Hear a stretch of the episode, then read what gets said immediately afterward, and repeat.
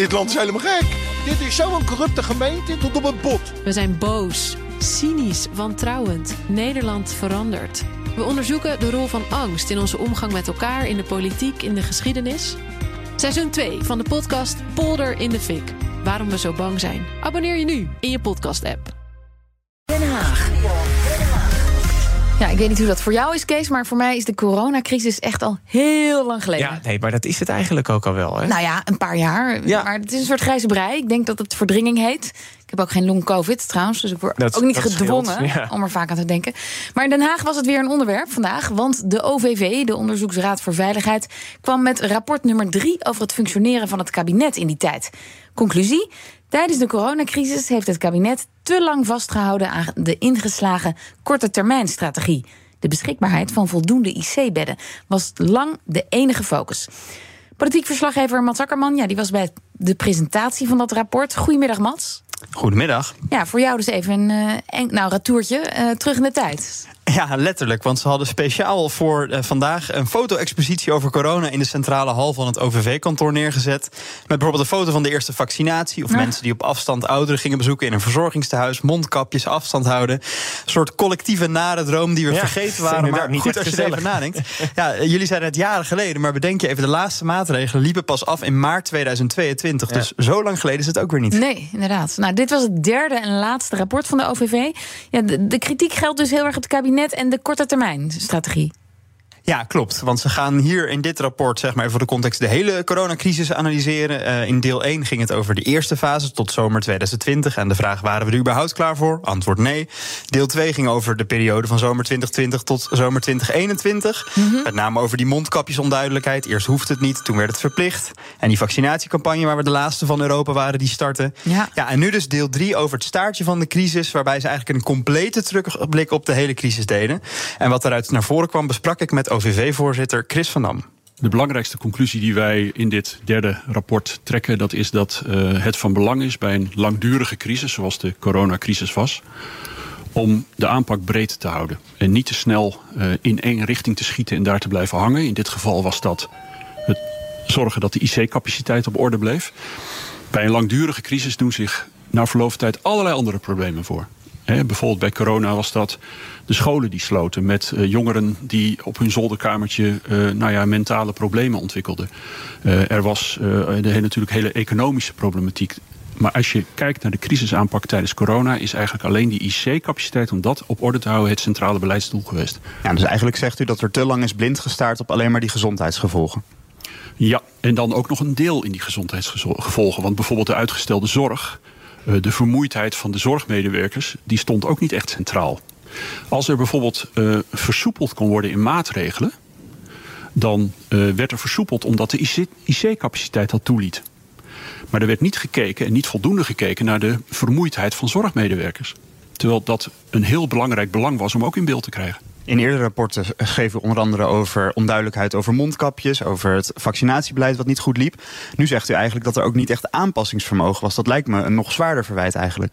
Wij maken geen verwijten, wij formuleren lessen. Maar het is inderdaad waar dat eh, het aanpassingsvermogen en ook, eh, laat maar zeggen, informatie tot je krijgen en adviezen, die soms ook heel onwelgevallig zijn.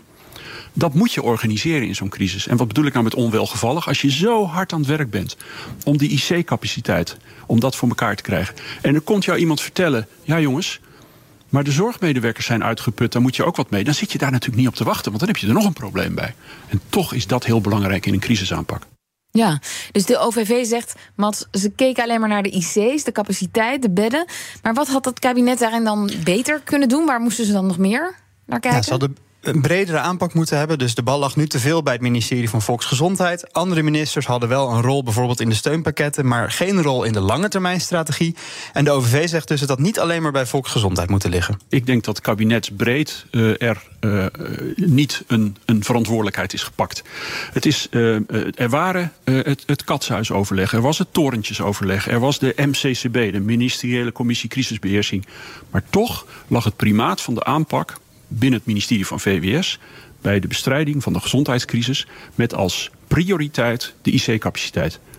En uh, ja, daar, daar had, dat had eigenlijk verbreed moeten worden naar het kabinet. Naar al die andere dingen die ook speelden, inclusief die economische driehoek. En in hoeverre speelt het dan ook mee dat premier Rutte zich heel duidelijk in dat kamp van het ministerie van VWS schaarde? Ik heb niet, eh, dat is niet mijn waarneming dat hij zich daar heel uitdrukkelijk in, in schaarde. Het is natuurlijk in de persconferenties was hij een van de twee uh, gezichten.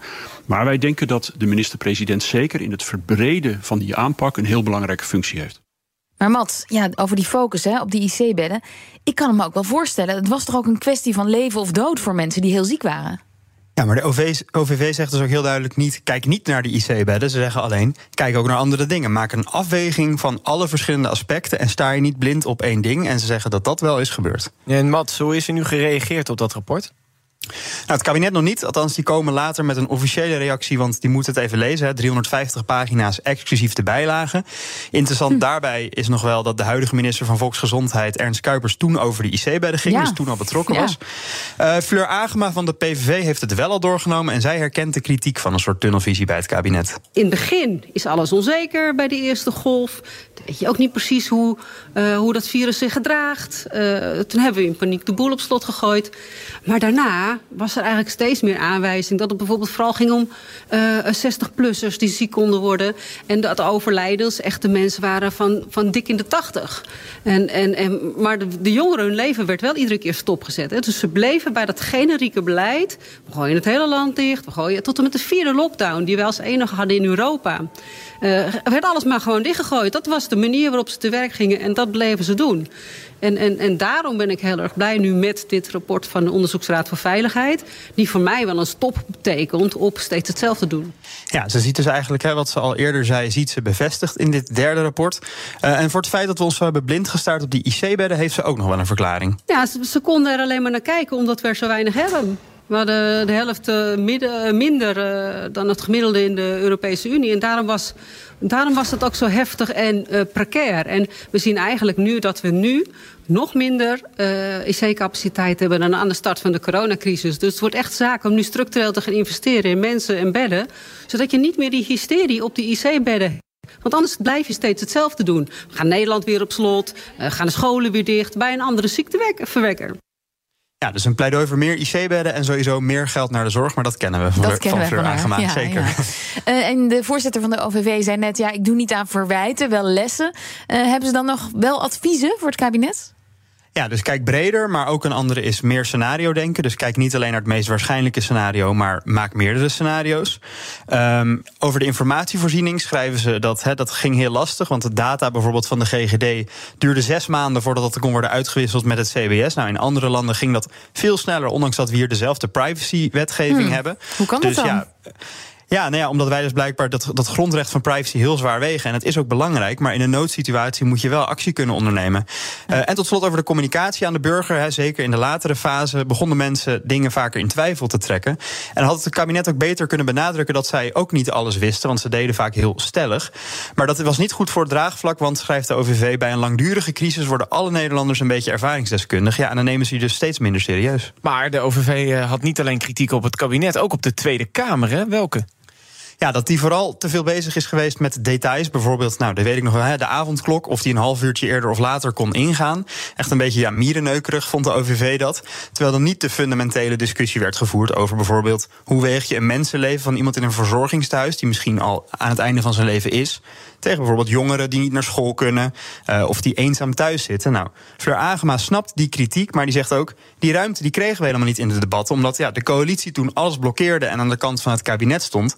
En elk debat eigenlijk ook vernauwd werd tot één klein onderwerp. Ja, u kunt al mijn bijdragen terugkijken. Ik ben steeds weer begonnen over die strategieën. Dat iedere keer als er een golf kwam, dat dan het aantal coronapatiënten omhoog ging in de ziekenhuizen en dat de andere zorg werd afgeschaald. En, en, en, en daar kreeg ik geen voet over tussen de deur. En zeker, wij, wij noemden intern op een gegeven moment ook uh, de debatten. Het ene debat was het, het avondklokdebat. En, en zo kreeg elk debat zijn eigen naam voor iets wat er uitsprong... en wat ook door de media uh, gemakkelijk voor het voetlicht te brengen was. Ja, dus dat brede debat had wel gevoerd moeten worden... maar er was gewoon simpelweg geen ruimte voor. En er liggen nu drie lijvige rapporten van de Onderzoeksraad voor Veiligheid.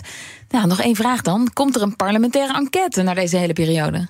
Ja, die beslissing daarover was uitgesteld om te wachten op dit derde rapport. Nou, Chris van Dam van de OVV is ook oud CDA-Kamerlid. Was hij ook nog tijdens het begin van de coronacrisis. Dus ja, heel politiek wilde hij zich daar niet over uitlaten. Of de Kamer wel of niet een enquête start, is aan de Kamer. Daar doen wij geen uitspraak over. Maar goed, als ik de, de zwaarte van uw woorden weeg... u zegt de ergste crisis sinds de Tweede Wereldoorlog... daar kan ik toch uit afleiden dat het u in ieder geval verstandig lijkt. Het zou mij niet verbazen als de Kamer een enquête instelt. Ja, hij liet wel een beetje doorklinken dat hij het eigenlijk wel verstandig zou vinden. En ze hebben ook een brief gestuurd aan de Tweede Kamer en het kabinet. En daar staat in, ja, in deze brief staan een aantal vragen... die zich naar het oordeel van de onderzoeksraad goed lenen... om aan de orde te laten komen in zo'n parlementaire enquête, mocht die er komen. Dus ze zeggen, ja, uh, we zeggen niet of hij er moet komen... maar als hij er komt, dan hebben wij nog wel een aantal vragen die je kan stellen. Dus dat lijkt mij toch wel een soort subtiele hint van Chris van Dam en de OVV... dat zij het in ieder geval een goed idee zouden vinden. We gaan het uh, afwachten, want misschien komt hij er wel. Dankjewel, politiek verslaggever Mats Akkerman. Bij BNR ben je altijd als eerste op de hoogte van het laatste nieuws. Luister dagelijks live via internet. Bas van Werven. En heel langzaam komt de zon op rond dit tijdstip. Je krijgt inzicht in de dag die komt op BNR, het Binnenhof in Nederland en de rest van de wereld. De Ochtendspits. Voor de beste start van je werkdag. Blijf scherp en mis niets.